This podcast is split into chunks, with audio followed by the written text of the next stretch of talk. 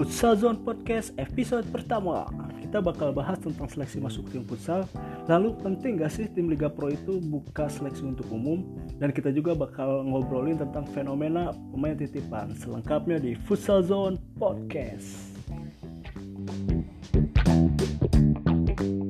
Ini adalah podcast pertama Futsal Zone Indonesia bersama gue Anas Fajar Gumilang dan rekan-rekan gue. Aku Aslan. Aslan Harit pemain Liga Futsal Thailand. ya, ya. Halo Aslan. Satu lagi siapa nih? Satu lagi. Gua Ardi, Ardi Jisung, Jisung, Jisung. Ya, apa kabar? Apa kabar lu berdua nih selama pandemi ini? Lagi sibuk ngapain nih? Si Ya. Aslan baru ini, baru punya istri. Mungkin tanyain aja gimana pengalamannya. Oh iya, Aslan baru baru nikah ya? Enak ya? Iya. Ah, nih nih, kita mau ngobrolin nih berhubung liga belum jalan, jadi kita nyobain produktif aja dulu lah ya.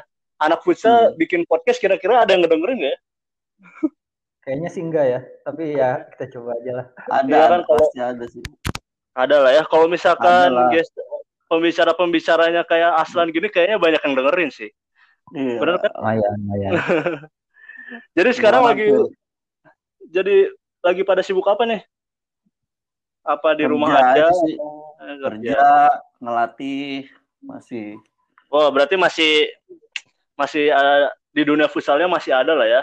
Masih ada dikit. Eh. Kalau Bang Ardi, Bang Ardi, Jisung, Jisung. Ya biasa kerja. eh, ngelatih udah enggak sih? Lu bisa ngelatih lan. Gua gua udah off dulu ngelatih nih gara-gara sekolah belum jalan lagi. Lu masih ngelatih Bang? Gua gua dari sekolah sih udah udah nggak jalan sum, cuman eh, dari anak-anaknya pengen latihan ya, gua nggak mau nggak mau. Oh gitu. Oke oke. Gua gua masih nunggu, gua masih nunggu nih. Ah. Mati. Gatel juga. Tapi lu masih pada futsal nggak sih? Misalkan eh, selama pandemi atau sebelum pandemi itu masih aktif mainnya nggak selain ngelatih? Masih, halo. gua masih masih ya sebulan dua kali paling futsal, fut, eh, apa fun futsal doang ya. Kan futsal ya udah nggak nggak kompetitif juga ya. Kalau Bang Ardi itu masih buka futsal nggak? Hmm, Futsal jarang sih, lapang gede aja paling. Oh, lapang gede masih ya. Lapang gede sum di mana sum? Di dekat-dekat rumah aja. Oh iya, Oh, lagi lagi musim juga sih ya lapang gede gitu. iya. Iya, iya lebih, lebih ini ya lebih seru sekarang kayaknya ya. Daripada futsal. Soalnya ada tukang fotonya Nah, sekarang. itu dia. Tapi tapi, tapi emang sekarang tuh kalau misalkan kita main bola atau main futsal tuh sekarang yang di apa sih yang dikejar sebenarnya bukan cuma olahraganya aja ya, buat eksistensinya juga ya. Foto. Iya. Iya, buat di-share. Sepak bola konten. Ya, gue Kill nomor 4. gue gue mau nanya nih. Jadi awal awalnya tuh lo, ber, lo- kita ngobrol-ngobrol eh, ngalir aja lah ya. Kali aja ada yang bisa diambil gitu. Jadi kita Hmm. eh, mau ngobrol aja nih kalian tuh awal mula kenal futsal dan terjun di dunia futsal tuh di mana sih? Pernah Liga Pro kah atau masih cuman amatir-amatir aja atau gimana? Coba ceritain dulu dah. Biar pada tahu nih pendengar-pendengar kita. Dan, dari siapa dulu? Dari, dari Aslan dulu deh. Siapa nih? Dari Aslan dulu, dari Aslan dulu. Bang Ardi kan lebih banyak nih, kayaknya lebih panjang ceritanya. Karena lebih tua ya. Iya. Gimana Aslan? Kalau kalau gua kenal futsal sih di SMA. Di SMA. Dulu tuh SMP kan gue SSB. SSB main eh, latihan lah akademi di SMP. Bukan di SMP maksudnya pas eh, level SMP. Masuk SMA eh, ada ekskul futsal. Nah, ternyata di SMA gua tuh yang megang eh, ini apa? Ya pelatih ternama lah di Indonesia tuh. Almarhum Haryanto. Oh iya. Di Depok Nah, ya? jadi pernah di Jakarta, Jakarta Oh Timur, di Jakarta. eh, SMA 88. Oh, Nah, jadi dulu tuh Arianto kan megang biang bola kan. oh iya. Terus. Nah, eh, jadi ya gue kenal futsalnya dari situ. Diajarin abis eh, udah kenal dia ikut dia terus gitu. Berarti awal-awal futsal masuk Indonesia udah udah main lah ya sebenarnya. Udah main karena kan si almarhum juga almarhum Haryanto itu kan termasuk pelopor futsal di Indonesia kan. Bareng Andri Pesku dan kawan-kawan. Berarti biang bolanya masih biang bola apa Jakarta ya? Bawa ti- timnas pertama, timnas pertama yang dipegang. Oh iya iya iya. Zaman Yang main tuh masih si siapa? Bang Deha. Syabani. Iya, Deha, Syabani, terus apa Wahyu Uki itu yang tinggi. Ya, oh iya iya iya iya iya. Bang Jusung belum masuk ya? Belum, Belum. Yusuf masih di Manchester ya, Sup? Aidan. Iya. iya. terus terus lanjut lagi lanjut lagi. Iya itu, gue ikut dia, lulus lulus SMA, masuk Unpad kan. Nah, jadi lanjut tuh di situ tuh. Oh. Ketemu Coach Oscar Oh, dan senior Jisung. oh iya. Bintang mudanya bintang mudanya Unpad ya. Oh ya ngomong-ngomong kita tuh semuanya dari satu eh, universitas yang sama ya. Hmm. Ya betul. Oh iya. Bang. Terus lanjut dari Unpad terus sampai sekarang lah ya. Sampai Hmm, sekarang sampai sampai lulus sampai, Eh, sampai lulus nggak sampai sekarang sampai sekarang main-main doang Oh ya main main bola. sampai Jadi lulus kompetitifnya mah sampai di kuliah lah ya lulus kuliah. gitu. lulus kuliah sempet tuh kan seleksi seleksi eh, udah habis tuh Eh, karena kerja nggak nggak nggak nggak nggak terjun lagi paling latih latih doang Oh latih-latih doang. Kalau Bang Jisung gimana awal mula futsalnya? Gua awalnya tuh awal banget tuh sepak bola emang dari SMA juga sepak bola terus ikut Persikota kan di Tangerang. Sempat ik- ikut-ikutan futsal dikit-dikit cuman gak serius pas ke Unpad coba juga futsal. Tapi diomelin mulu tuh sama coach Oscar tuh gara-gara oh, kontrolnya nggak pernah pakai sol kayak kaki dalam mulu kontrolnya kan. Oh Masukin soalnya sih, beda beda banget ya teknik juga ya. Beda, gue masih make-make teknik lapang gede kan, karena emang basicnya lapang gede. Terus ya masih ini sih masuk tim sih masuk tim, cuman setiap turnamen du- duduk manis mulu ya kan di bangku cadangan, nggak pernah dimainin. Nah terus ya lama-lama diajarin lah dikit-dikit, udah mulai eh, lebih fokus ke futsal. Ya jadi mulainya di kampus sih benar-benar belajar futsalnya di kampus sama coach Oscar, coach Aul. Habis itu eh, ikut tim-tim di Bandung lah. Futsal 35, 135 ya. ya futsal 35 terus ke FKB, terus eh, lulus kuliah balik ke Tangerang ikut Jaya Kencana di Tangerang. Gitu. Terus ter- biang bola juga, biang bola juga setengah Iya, musim. iya. lu awal-awal biang bola ya Sung ya Iya, biang bola. Jadi biang bola biang bola tuh pertama banget sih ya. Sebelum sebelum FKB. Jadi dulu tuh biang bola tuh joinan sama futsal 35 enggak sih? Eh iya sih, tapi nggak secara resmi sih. Mereka cuma ngambil setengah pemainnya dari futsal 35 gara-gara turnamen apa tuh Yusuf Kala dulu yang futsal 35 juara. Kayaknya Piala kepan Mas bukan ya? bukan bukan. bukan Ada, ada yang yang yang pas- di ini yang dia mainnya dia George Simpruk. Ciracas ya Simpruk Iya Simpruk. sih? Oh, sim. oh Simpruk Iya pas pemilu itu loh pemilu jadi ada turnamen besar-besaran Piala Yusuf Kala atau apa gitu. Nah dari situ tuh baru diambilin setengah berapa ya? Eh, awalnya empat pemain, Eh, Daru, Gustian, eh, Jair sama eh, Ucok. Tapi di putaran kedua nambah dua orang lagi. Eh, beberapa pemain siapa aja tadi? Eh, tadi Julinur, pokoknya yang pertama diambil tuh Julinur, Ragil, eh, U- eh, apa eh, Gustian, Daru. Kalau nggak salah Jair juga deh dari awal. Terus putaran kedua nambah gua jadi enam. Oh, itu pemain-pemainnya juga eh, cukup panjang ya di liga ya. Ya, ha. Ada Bang Bonsu juga kalau nggak salah ya di Bonsu, bola. oh ya itu Bonsu ya, Bonsu merangkap pemain pelatih. Pela- Pelatih merangkap pemain dulu. Oh ya. Kalau lu San eh, punya pengalaman sampai ke Liga Pro nggak sih? pengalaman sampai Liga Pro nggak ada. Gue mentoknya di level universitas. Cuman eh, seleksi untuk yang Liga Pro ada. Pernah gue di ini ya, ma- apa brilian waktu itu kan. Seleksi. Terus eh, kalau seleksi seleksi eh kayak apa futsal plus pernah kan. Masuk juga kan futsal plus. Oh ya.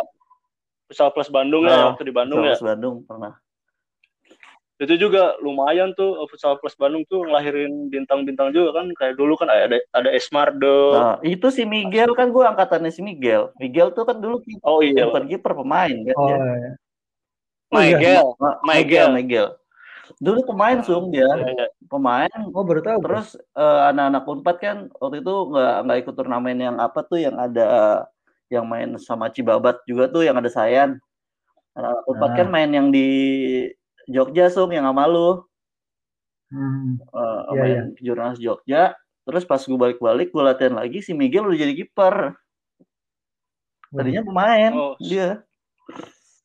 bisa gitu ya dia sampai timnas juga kiper Mm. Iya. Iya, gue yang dari pemain dari awal kagak ada tuh. jadi jadi kiper enggak ya? Iya. jadi pemain enggak ya?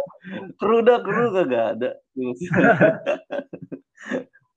gue juga dulu sering ikut seleksi-seleksi gitu sih masuk ke Liga Pro kayak gitu tapi kayaknya nggak nggak masuk-masuk sih. Kalau misalkan lu lu kan eh, ke Futsal Plus juga masuk Bang Jisung apalagi ke Liga Pro. Sebenarnya apa sih lu latihannya kayak gimana sih sebenarnya bisa masuk ke tim-tim kayak gitu Hmm, kalau kalau gue di futsal plus, gue ngalir aja sih Nas. Gue cuman main doang. Gue kayak eh gue main. eh, emang kan gue tipenya yang yang yang simple ya. Kalau main nggak ada yang nggak yang full skill kayak Jisung. Eh, Nah, Oh, itu. kalau gue main simple ya passing, passing kayak gitu kan. tipe tipe tipe Eh, Sokrates. yoi, gitu ya. di- eh, tiba-tiba saya Karmadi, Sum. Eh, saya sama dia. Nah, nah, cuman eh, ya itu gue cuman eh, passing passing terupas kayak gitu-gitu doang sih. Eh, ya masuk-masuk aja gue waktu pas di My Futsal yang di Donzol yang pegang juga gue sama Hari kan gue disuruh datang lagi tuh pas hari keberapanya cuman karena jauh gue dari Jatinangor sama Hari kan agak mager gue nggak nggak nggak Hmm. nggak balik lagi gitu di Brilian juga gue cuman ya pak di gue gue main biasa aja passing. Kayak kalau gue menurut gue sih te- tergantung pelatih sih mereka suka yang kayak gimana pemainnya. Lu pas di Brilliant nggak kepilihnya kenapa tuh? gue engkel sung. Gue eh, pokoknya Oh. eh, gue tuh pas gue dateng latihan kan eh, sama pelatih siapa sih? Coach eh, An- Andri Andri sama ada satu lagi tuh yang katanya dulu atlet karate. Nah gue main. Hmm. Di, udah dimasukin di paketan tuh di paketan yang squad mereka lah. Squad paketan utama gue dimasukin di paketan dua ya diadu lah gitu kan. Nah terus pas besokannya gue di di SMS lagi tuh. Di SMS disuruh datang AFN Bogor. Cuman gue engkel dan ya gue bilang gue gak bisa datang. Nah dari situ gue udah tuh nggak nggak datang datang lagi gitu. Karena gue udah udah dengar pengumumannya udah udah udah keluar kalau nggak salah setelah setelah setelah Hmm. sparring itu gitu Pelatihnya ya, Andri Firman ya dulu ya. Ah, Andri Arif Firman. Firman Andri Firman. Terus kayak kalau di Brilian fisik banget sih cuma setahu gue. kalau kalau lu sung eh, waktu misalkan main di Liga Pro tuh seleksi seleksi seleksi seleksi atau misalkan langsung ditarik sama pelatih pelatihnya gitu Eh, ditarik sih, ditarik pelatih. Nggak seleksi tuh gue seleksinya justru pas mau ini, mau masuk ke Futsal 35 kan. Sebelum ke Liga Pro kan Futsal 35. Nah, di Futsal 35 itu sebenarnya ada seleksi, cuma sebenarnya gue gagal seleksinya. Jadi waktu itu ceritanya Futsal 35 kan pas persiapan turnamen itu eh, latihannya bareng Dalka. Kan Iya. eh, itu tuh eh, regional dulu kan itu fut- apa Piala Yusuf Kala tuh. Jadi Futsal 35 lolos mewakili Bandung. Dalka waktu itu ikut Bogor kalau nggak salah. Jadi lolos wakil Bogor. Nah, mereka latihan bareng. Yang buka seleksi itu waktu itu Dalka. Nah, gue ikut latihan sama Dalka. Gue ikut latihan sama Dalka, ikut seleksi. Berapa kali latihan nggak lolos. Ya udah, gue nggak lolos kan. Habis itu mungkin karena latihan bareng Futsal 35, Futsal 35 ngeliat juga. Nah, habis itu pas udah mulai turnamennya Futsal 35 ternyata pemainnya beberapa ada yang pergi ke ke Jurnas Lampung atau apa pemain UPI jadi mereka kekurangan pemain. Nah di situ gue ditelepon gitu, gue ditelepon disuruh datang ke Jakarta, ya udah gue cabut langsung ke Jakarta. Nah ceritanya gitu sih. Jadi sebenarnya gue nggak lolos seleksi sebenarnya, cuman ini aja apa ada ada ada cerita lain aja di balik itu. Hmm. Cuma Gitu. kalau kata temen gue kalau kalau seleksi itu apa? Dia eh gue pernah temen gue tuh pemain bola gitu ya. Nah, katanya kalau seleksi itu lu kalau seleksi eh s- uh, kata Esmardo juga loh anu meniang Esmardo bilang Hmm. pakai baju yang yang ini yang ada namanya di belakang. Terus datang Hmm. jangan telat kayak gitu-gitu sih Nas. Gue pernah dapat tips kayak gitu. Apa jadi Hmm. Oh iya pakai baju cukup ah, ngaruh pakai baju ya. yang yang ada namanya di Iya. belakang waktu pas futsal plus itu gue pakai baju yang ada namanya di belakang disuruh Esmardo. Bagus sih, bagus itu ya. Heeh. Biar biar Jadi biar ya. pelatih mungkin lihat kali ya, oh ini lumayan nih pas dilihat namanya udah dia, dia apal gitu. Hmm. Oh iya. Gue juga seper, eh, dulu kan pernah eh, seleksi PLN ya, seleksi PLN, tapi berat itu banget.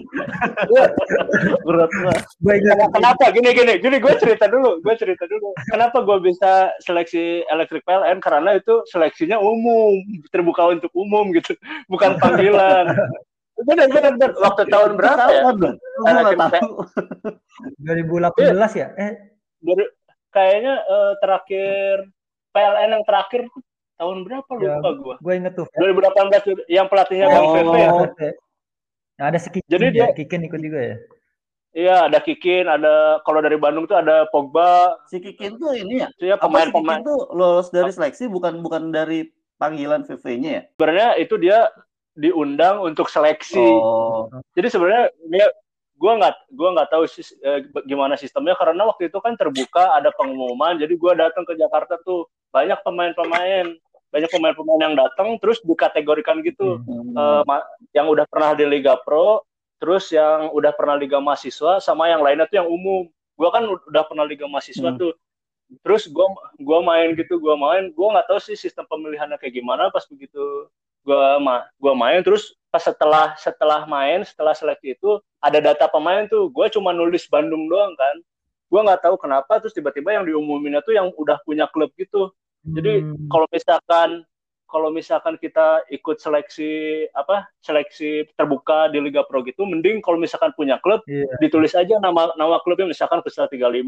atau misalkan dari Unpad paling enggak kalau misalkan timnya cukup terkenal dan cukup banyak melahirkan pemain bintang kalaupun main kita nggak kelihatan ya kali-kali kali aja gitu ke seleksi gara-gara timnya gitu karena gue di situ cuman cuman nulis Bandung doang gue mikirnya ah ini gara-gara gue nggak terlalu terkenal aja klubnya jadi nggak dipilih soalnya kan Iya, soal, soalnya kan gue mau untung-untungan aja ke sana gitu, cuma nyari Iya kan pengalaman. yang Gitu. PLN waktu itu kan kalau nggak salah banyak anak-anak Bekasi juga kan. Anak anak apa Iya. Eh, timnya tim-tim apa Tarkam lah ya buat dibilang bisa dibilang. Kayak si siapa tuh yang Iya, iya. ya adalah anak Bekasi tuh gue lupa namanya siapa. Gue belum pernah lihat dia di Liga Pro Tapi- maksudnya. Gue belum pernah lihat dia di Liga Pro pas dia itu tuh gue ngeliat pertama kali dia tuh di PLN setahu gue sih. Oh, pas yang per, PLN ya, di, di liganya pertama dia Ah, di PLN Liga ya. Pro pertamanya di PLN itu yang pada pirang-pirang gitu. Iya, iya, iya, zaman itulah. Gue juga nggak mungkin gue undangan. Ta- tapi itu kan itu non teknisnya ya. Kalau teknisnya menurut gua, gue sih pas kalau seleksi nggak pernah nggak pernah apa ya, nggak pernah mikirin harus kayak gimana kayak gimana ngalir aja kayak si Ah, ah, Aslan. ah. Cuman kalau kalau dipikir lagi deh, sekarang dipikir balik kayak gitu, kayaknya salah satu apa eh, tips bagus buat yang mau seleksi tuh saat main gitu. Kan pas seleksi tuh dilihatnya pas pas ini ya tandingnya ya, Hmm. bukan pas eh, manasan atau apa pas tandingnya. Kata gue sih kalau gua harus ngasih eh, nasihat nih ke pemain-pemain muda eh Hmm. 30 70 30 persen main ambil resiko 70 persen main aman Hmm, kalau gue sih kayak iya. gitu Iya. soalnya Iya. ada juga pemain kan yang kalau pagi seleksi tuh maunya nampilin terus kan uh, uh, Ah, gocek iya. terus Iya. football terus nah ya? itu terlalu beresiko ah show off ada juga pemain yang terlalu te- main aman jadi nggak nggak menonjol gitu kan Hmm. kalau menurut gua 37 tuh 30 70 tuh yang paling aman. Jadi 30 eh, apa ambil resiko misalnya mau dribble atau Hmm. mau true pass atau shooting tapi lebih banyakin main aman dulu aja biar biar apa Hmm. kelihatan teknik dari teknik passing Ah. kontrolnya lebih kelihatan. Gue waktu itu pernah sung yang gue seleksi main futsal yang eh, pelatihnya Dozol sama Hari kan. Itu gue pure Hmm. gue main aman tuh kan. Pas game itu gue main aman banget lah. Gue passing, passing gitu lah kan. Nah terus gue dipanggil tuh sama Dozolnya. Uh, terus Hmm. Gonzalez bilang lah lu lu bagus lu emang karakter lu kayak gitu cuman lu gue lihat terlalu main aman lu gue mau ngasih kesempatan lu sekali lagi gitu kan Nah, nah itu gue gue Nah. dikit sampai digituin nah abis dari situ game kedua baru tuh gue coba tuh gue terupas terupas kayak gitu intinya mungkin kalau kalau itu aman boleh tapi jangan takut jangan takut juga kali ya jangan Iya. takut ya lu jangan Nah. takut salah juga pas pas main coba aja kalau lu pede ada temen lari misalkan belum bisa yakin bisa terupas terupas aja gitu kan ya so, intinya kan pelatih pengen lihat lu apa kelebihan lu apa lu Oh. kalau nggak ambil resiko lu nggak dia nggak akan tahu kan Hmm. kelebihan lu apa kalau main aman terus tapi mereka juga pengen pemain yang apa ya yang meyakinkan lah bisa bisa nguasain bola nggak nggak nggak apa nggak ngerugiin tim Ah, gitu kan nggak- jadi nggak matiin dulu bolanya di dia ah itu dia gitu sih Ya soalnya soalnya kan kalau misalkan seleksi kan paling cuma satu satu kali doang Ah, kan dilihatnya. Ah, ah, ah. Mes- Meskipun ada eh, tahapan rangkaiannya, ya paling enggak kita harusnya eh, kelihatan dulu di seleksi Iya, hari pertama kan. Nggak mungkin kalau kalau kita jelek di hari pertama nggak mungkin ke hari kedua kan.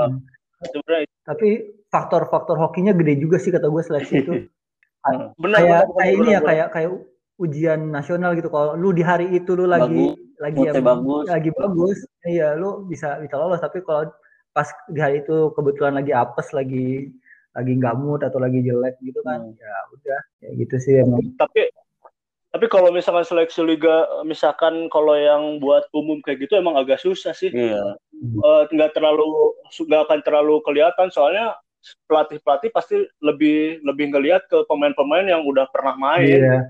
itu itu kalau dari sisi pemain kal- apa kelihatannya kayak kurang fair ya tapi sebenarnya buat pelatih sah-sah aja kayak gitu kan soalnya Karena pelatih emang uh, pemain yang dia kenal kan sebenarnya yang dia tahu Itu, ya, pertama itu Iya. makanya dia kan pasti butuhnya yang pemain yang udah ada mental di liga itu sendiri. Dia nggak mau ngambil resiko Hmm. lah kan dia Iya. apa apa maksudnya si pelatihnya itu kan punya punya target dan dia punya waktunya terbatas Iya. kan ke liga itu. Kecuali Hmm. makanya sebenarnya ya, ya kalau makanya kalau yang baru pertama kali ikut seleksi umum kayak gitu tuh banyak yang kecewa ya tapi sebenarnya emang kayak gitu sih sistemnya sebenarnya iya kalau Hmm. yang kalau yang dari luar-luar banget sebenarnya ya nggak tahu backgroundnya Hmm. nggak tahu gimana karakternya gitu kan makanya gue pas waktu yang PLN itu gue lihat emang pemain-pemain yang udah pernah main di liga yang masuk gitu. Hmm, iya sih. Gue gue ada pengalaman menarik justru pas mau seleksi. Jadi kita habis uh, uh, futsal 35 itu habis juara uh, apa apa Porda Porda Kota Bandung. Habis itu mau naik ke Liga Pro kan FKB.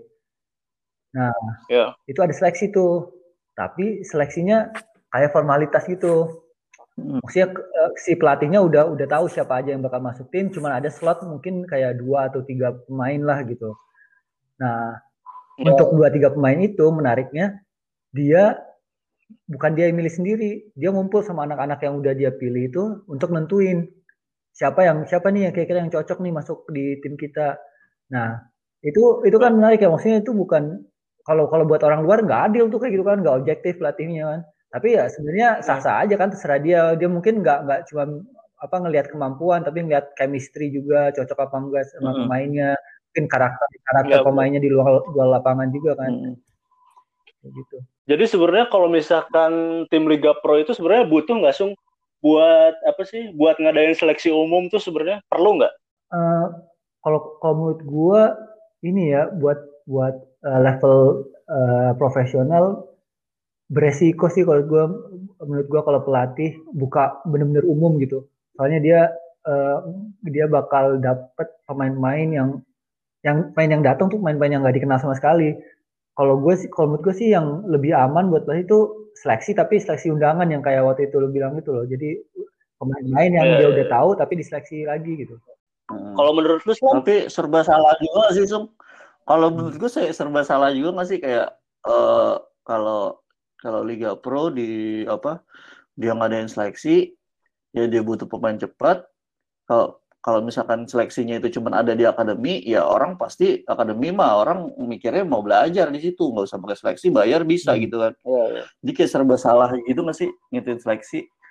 Ya benar, jadi seleksinya uh, kalau menurut gua sah-sah aja seleksi terbuka. Cuman dari kalau keputusan pelatihnya ya kita nggak bisa nggak bisa kayak yeah, bilang nggak fair juga. Atau misalkan yang masuk itu tim li, apa pemain-pemain liga mantan liga semua ya nggak uh, bisa digituin juga. Kalau seleksinya sih nggak menurut gue sah-sah aja sih. Ya karena kan mungkin dari dari pemain mungkin kalau dulu ya pemain kan terbatas klub banyak kalau pemain-pemain liga ya udah pasti punya punya punya punya punya tim semua kan ya. ya dia butuh pemain satu dua atau tiga orang kan ya pasti dia butuh dari seleksi gitu menurut gue seleksi itu buat ya. pelengkap aja sih bukan pelengkap tim, pemain bukan pelengkap tim intinya tim. gitu ya ah iya Loh. tapi sekarang sebenarnya kalau misalkan uh, ngomongin nyari pemain sekarang banyak, udah banyak jalur banget loh. Banyak. Iya udah banyak sekarang karena futsal kan dari SMP sekarang. Kalau dulu kan mulainya SMA. Hmm. Gua aja tahu. Kalo sekarang SMP gua aja udah futsal. Gua aja tahu apa eh, kontrol pakai sol tuh di waktu waktu di Unpad. oh iya. sekarang akademi dari SD udah banyak. Hmm. Apa sung tadi lu mau ngomong apa? Mau nanya ke lu kan, uh, Pak, lu yang udah ngikutin seleksi yang benar-benar terbuka gitu kan. Menurut lu itu hmm. buat pemain uh, fair nggak dan uh, apa uh, worth it untuk ikut apa apa itu buang-buang waktu aja menurut lu? Buat tim, tim Liga Pro yang ada seleksi benar-benar terbuka gitu. Kalau gua ya awalnya dulu masih menggebu-gebu gitu kan. Gua tuh punya harapan gitu. Kayak sekarang udah males. Tapi bener gua gua kan polos ya. Gua polos lah kayaknya gue kalau misalkan uh, serius bisa lah hmm. gitu.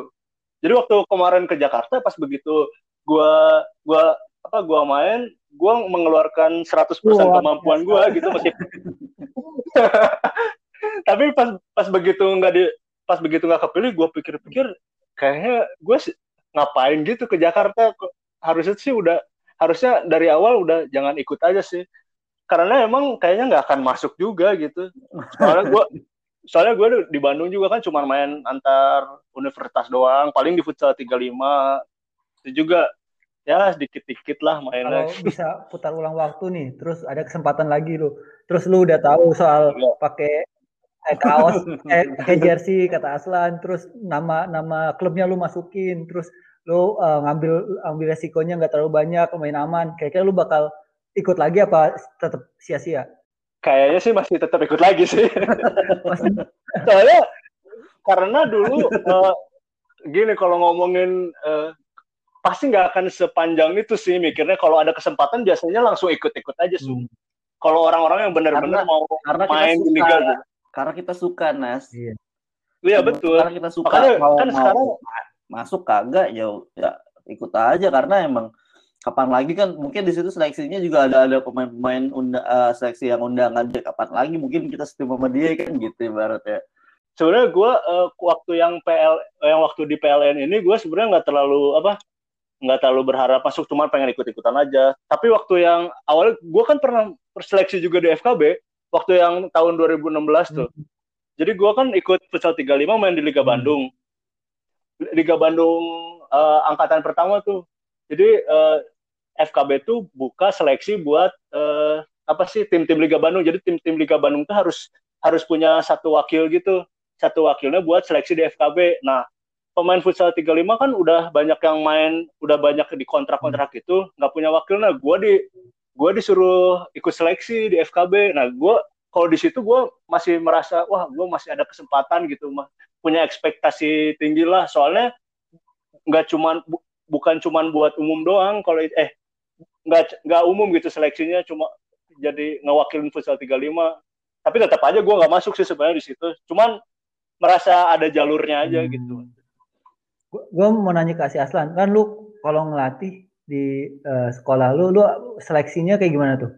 Seleksinya gue semua pemain dibolehin atau lu pemain-pemain tertentu aja oh. dan lu yang, yang pas seleksi yang lu cari apaan dari pemain? Oh ya kalau gue levelnya SMA kalau gue kan levelnya SMA tuh. Kalau yang gue cari yang yang udah ada dasarnya sih Sung, yang udah ada dasarnya di pemain gitu ya. Maksudnya pemain pemain oh, uh, entah itu bola entah itu futsal. Yang jelas dia bisa main gitu. Kalau untuk seleksinya ya semua semua semua apa namanya uh, siswa siswa di SMA itu boleh kalau misalkan dia mau ikut uh, seleksi di di SMA gue, school futsal di SMA gue ya gue gue boleh boleh aja gitu. Yang gue seleksiin ya pertama gue pasti game aja, gue ngikutin dari kayak uh, dulu pas gue diseleksi pas di SMA ya dia akan ngasihnya uh, game aja. Gue cuman bilang uh, tunjukin aja yang yang lu bisa tunjukin ke gue, yang lu bisa. Nah urut apa enggak itu itu nanti. Gue bilang yang penting dia bisa dulu nanti gue kalau dia bisa ada teknik ya baru gue tarik. Gitu sih kalau gue simpel kayak gitu sung. Karena kalau gue nyari kayak kebutuhan gue butuhnya flank gue butuhnya pivot gue itu terbatas. Gak ada ya emang gak ada pemainnya ah uh, gak ada pemain. Ya udah mungkin kalau gue megang universitas universitas kebuan ah ya tapi kalau level SMA sebenarnya lu uh, satu kali seleksi satu kali permainan juga kelihatan sebenarnya mana yang bisa yang mana yang enggak mungkin enggak enggak satu kali tanding 30 menit main uh. juga udah kelihatan gitu ya.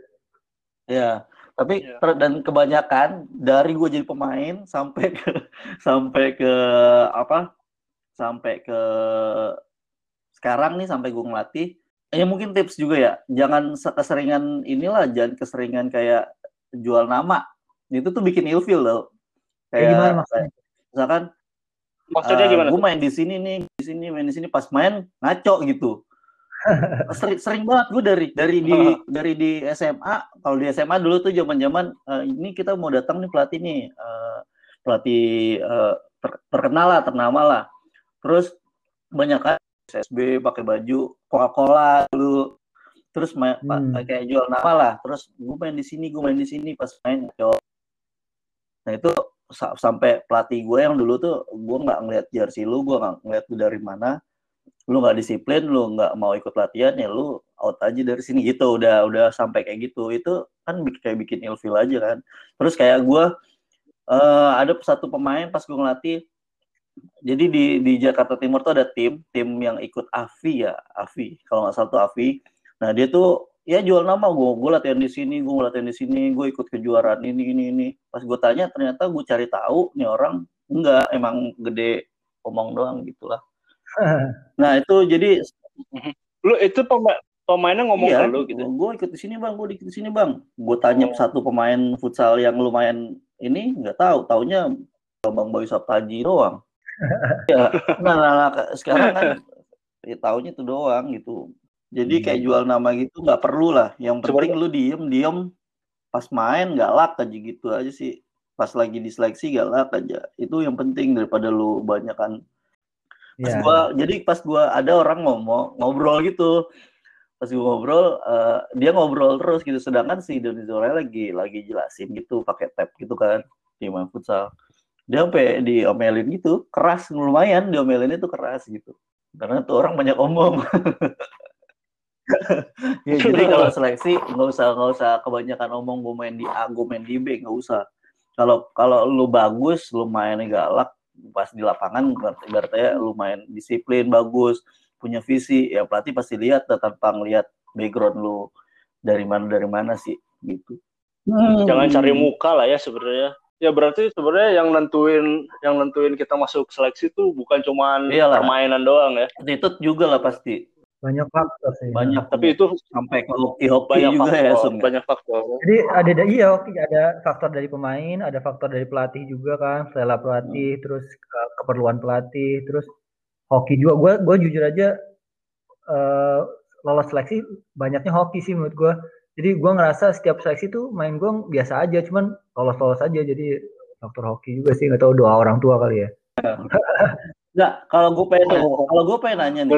Kalau uh, seleksi itu men, uh, menurut pada pemain yang kidal itu udah pasti masuk gak sih? Karena kalau gue lihat nih kayak pemain kidal tuh pasti uh, di Unpad lah ya, gue lihat di Unpad. Pemain kidal yang angkatan kita sih Nas. Uh, uh, bukan Dimas ya, yeah. yang di bawah kita, di bawah kita. Dia di 2010 ke bawah lah. 2011 lah. Menurut gue pemain kidalnya yang nggak bagus-bagus banget menurut gue ya. Nggak yang sebut nama lah sebut nama lah. Eh, jangan lah. Gue nggak nggak bagus bagus ya ada satu yang dari ini nas yang dari mana? Uh, yang dari geologi. Menurut gue kan kurang oh iya iya iya. spesial banget. gue tahu maksud lo cuman dibawa sampai ke Malaysia Malaysia gitu kan. Ke kejuaraan di Malaysia pun ke bawah. Nah menurut pada tuh sespesial itu kah pemain kidal? Apa hanya pelatih pelatih tertentu menurut gue sih nggak nggak terlalu sih. Dari sisi nggak terlalu seleksinya ya? maksudnya nggak terlalu ngaruh dia dia dari sisi seleksi. Menurut gue kalau misalkan dia eh, apa sih bisa masuk ke tim misalkan kalau misalkan kemampuannya bagus sih pasti sih.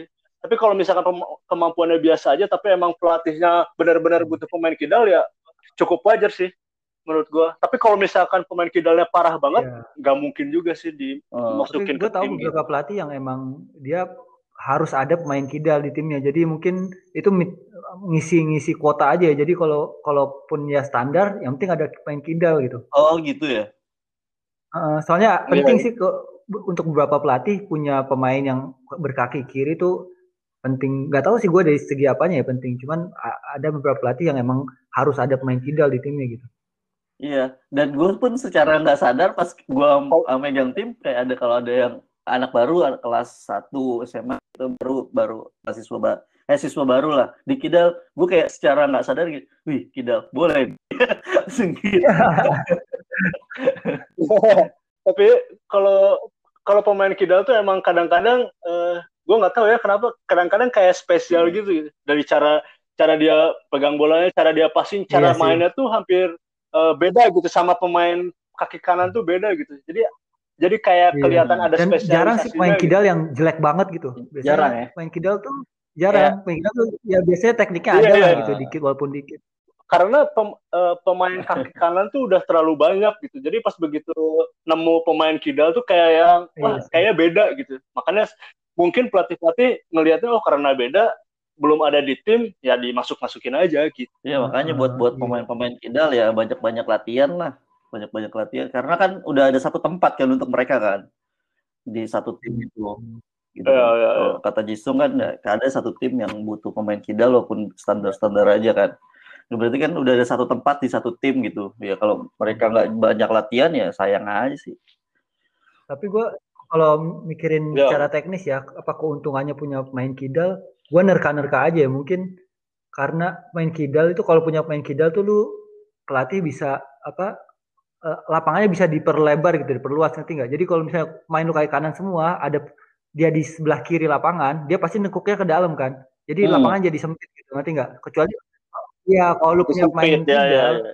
dia nerima bola di sebelah kiri lapangan, dia bisa eh, lanjut di kiri gitu. Jadi eh, bawa eh, ngegiringnya di kiri terus, jadi lapangan tetap tetap, tetap lebar gitu. Bisa jadi sih. Hmm. Iya. Variatif lah ya. Cara buat buat set piece Iya, juga benar. penting juga ya pemain gitu Set piece juga ya benar-benar. ya set piece, corner juga kan sebenarnya kalau kita punya banyak pemain yang kidal juga jadi banyak pilihan juga gitu. Terus kalau misalkan nih, eh, kalau kita ngomongin pemain-pemain titipan gitu waktu seleksi gimana tuh menurut eh, kalian berdua? Pemain titipan. kalau ada di pengalaman. di futsal sih kalau jarang nih kalau futsal ya gue belum pernah jarang sih emang. titipan ya kalau bola mungkin iya kalau di futsal kayaknya kalaupun dia ditaruh dikenalin gitu emang tapi tuh orang jago gitu kalau yang yang gua per- yang Iya. pengalaman gue ya Emang sih. Kayaknya gue juga Iya, iya. ngeliatin di eh, di sepak bola sih kalau di futsal jarang. Tapi kalau di sepak bola, kalau menurut gue nggak nggak apa ya nggak terlalu masalah kalau pemainnya lumayan gitu. Hmm. Kalau kalau pemainnya parah banget, dah itu baru baru jadi masalah. iya Tapi biasanya sih orang mau nitip pemain kalau jelek parah malu juga kan sebenarnya. Ah, bener. Jarang sih main titipan yang yang kelihatan banget jeleknya gitu.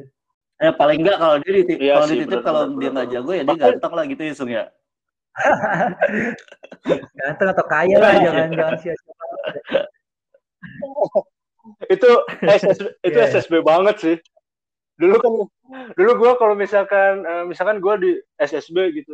Orang-orang misalkan atau orang tuanya yang punya bus bisa masuk klub itu.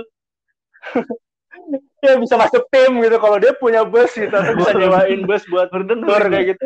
Bisa jadi kalau sparring nggak repot ya Iya benar.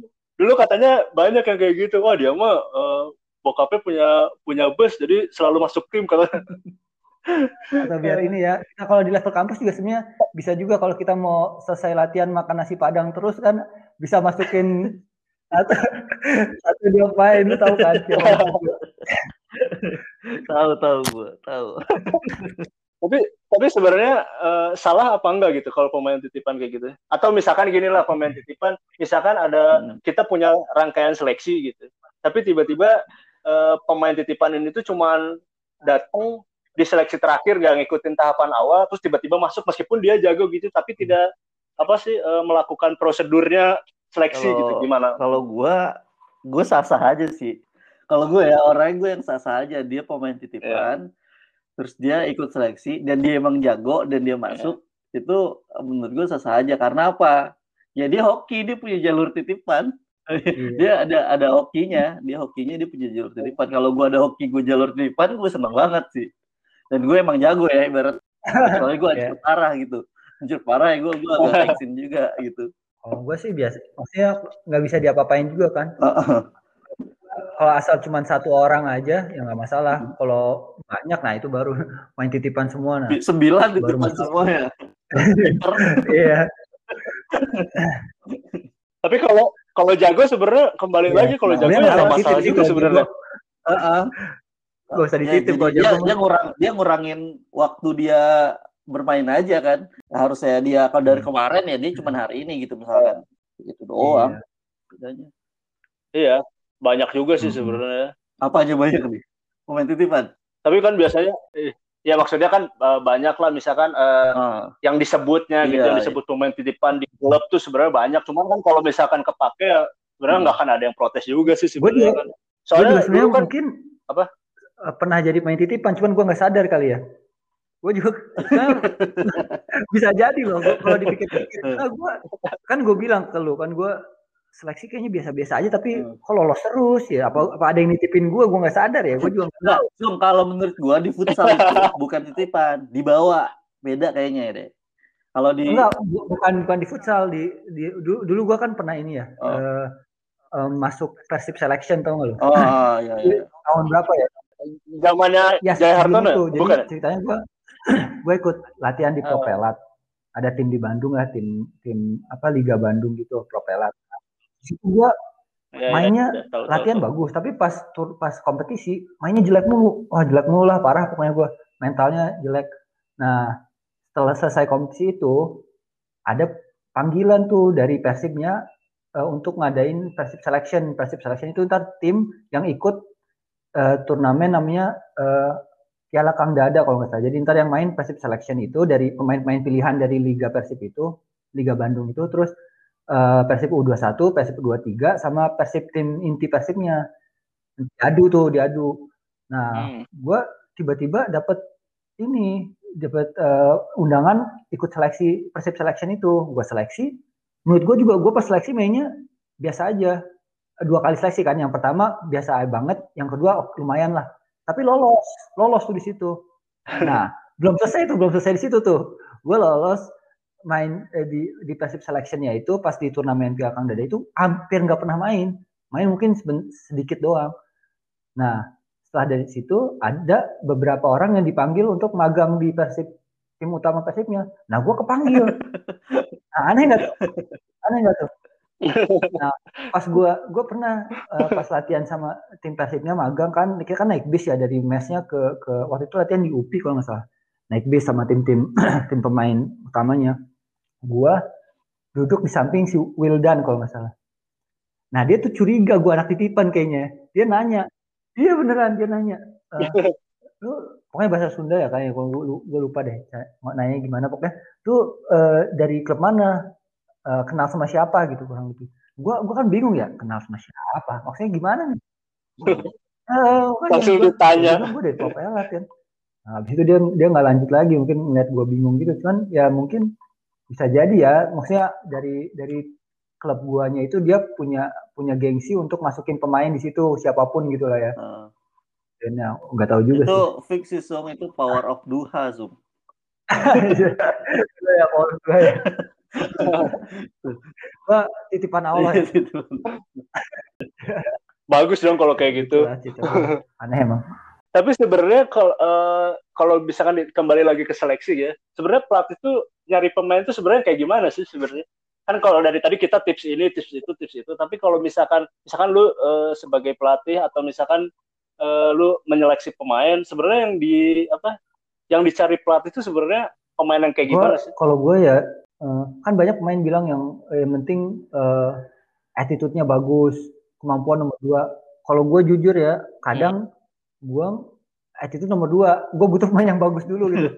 Karena susah, susah misalnya di level SMA, level kam kampus pun kalau kalau kampusnya kecil, gue kan sempat melatih di uh, kampus uh, Metro Buana juga ya. Nah itu berharga banget punya pemain yang punya teknik itu kemampuan. Jadi kadang attitude gue nomor duain karena emang butuh pemain yang bisa main gitu. Gitu sih. Hmm. Oh, lu gimana lah? Kalau gue, kalau gue kan levelnya level SMA. Kalau oh, level SMA mah, gue yang pertama bisa main dan dia dia mau misalkan dia bisa main dia nggak mau latihan, gue malas juga sih. Kayak uh, eh, gue tuh orang yang apa ya?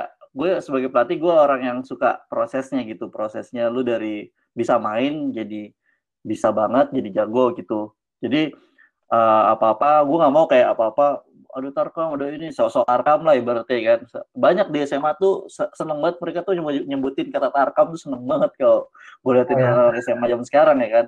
Kayak seolah-olah tuh kalau Tarkam lu udah masuk timnas. Nah kalau seleksi uh, kalau misalkan dia bisa main tapi nggak mau latihan nih nggak mau juga sih gue jadi kalau SMA yang bisa main dulu yang gue cari di seleksi ya bisa main terus uh, dia mau latihan. Udah itu doang sih Mungkin beda kalau lagi dia... kalau gue di levelnya atas lagi ya. Ya kalau di Liga Pro ya gue pasti pemain yang gue butuh. Gue butuhnya flank, gue cari flank gitu sih. Kalau ada pemain jago banget lah. Hmm. Jago banget anak didik lu, tapi dia mas latihan lu lu masukin tim apa enggak tuh? Enggak. Dan itu enggak. pernah pernah terjadi ya. Hmm. Enggak enggak gue masukin tim. Gue tertatih-tatih di turnamennya dengan orang-orang yang latihan yang dia masuk hmm. tim terus dia jago cuman dia nggak pernah latihan tapi tiba-tiba masuk tim gitu. Kecuali dia latihan di tempat lain misalkan uh, dia ini jago uh, latihan pas di gue itu bentrok. Karena dia misalkan dia latihan porda dia latihan pon pas lagi latihan di kita itu nggak masalah. Karena dia kan latihan juga gitu kan. Nah kalau ini dia nggak di sana nggak latihan di nggak latihan ya gue males juga sih gitu. Hmm. Tata Jongan ada nggak? Tata Jongan ada ya, seleksi nggak? Kalau gue sih kak nggak ada. Nggak ada sih sebenarnya. Kan kalau gue kan gue kalau ngelatih, uh, eh, gue kan cuma ngelatih di fakultas kan. Jadi gue tuh nggak ada seleksi pemain dari luar gitu nggak nggak pernah ada. Jadi kalau uh, orang aja yang mau misalkan uh, pem, apa mahasiswa aja yang mau latihan siapa ya gue ini. Tapi gue kalau misalkan milih pemain sebenarnya yang yang ikut latihan sih yang utama sebenarnya yang ikut latihan mau mau itu pemain yang attitude-nya jelek atau enggak sih yang penting kalau misalkan dia datang latihan bakal gua pilih gitu soalnya dulu gua ada pemain yang bagus banget tapi dia anak band gitu pas begitu latihan cuma sekali tetap tetap nggak gua pilih gitu waktu kan ada turnamen di Malang tuh waktu itu fakultas gua ada turnamen di Malang nggak gua nggak gua ambil karena kalau misalkan di fakultas, gua mah lebih ke kekeluargaannya aja lah gitu. Jadi siapa yang latihan dia yang berangkat hmm, gitu. Kalau gua sih gitu. Ya.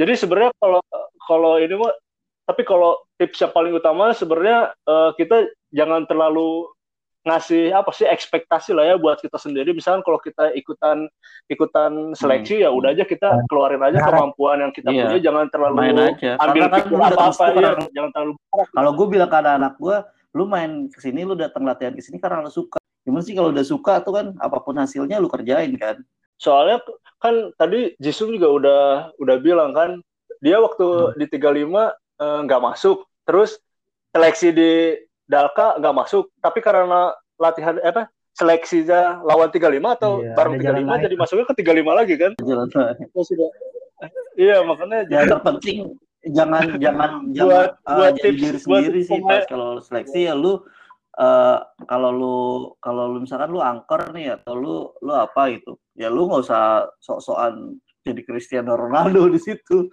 gitu. Ya, ya main aja cuman tanpa tanpa apa tanpa melupakan kayak sedikit ambil kayak tadi persen tadi hmm. gitu.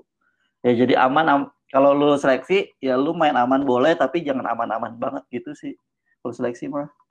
Setuju setuju. Tapi gua gitu tambahin gitu mungkin uh, ikut seleksi di waktu yang tepat. Jadi kalau lu emang ngerasa belum siap, nggak usah nyampe-nyampein diri, nyampe-nyampein pelatih ikut seleksi. Kalau gue sih gitu, gue realistis gitu orangnya. Kalau misalnya gue, menurut gue, gue belum siap level itu, ya gue nggak dulu, gue siapin, gue perbaikin dulu. Hmm.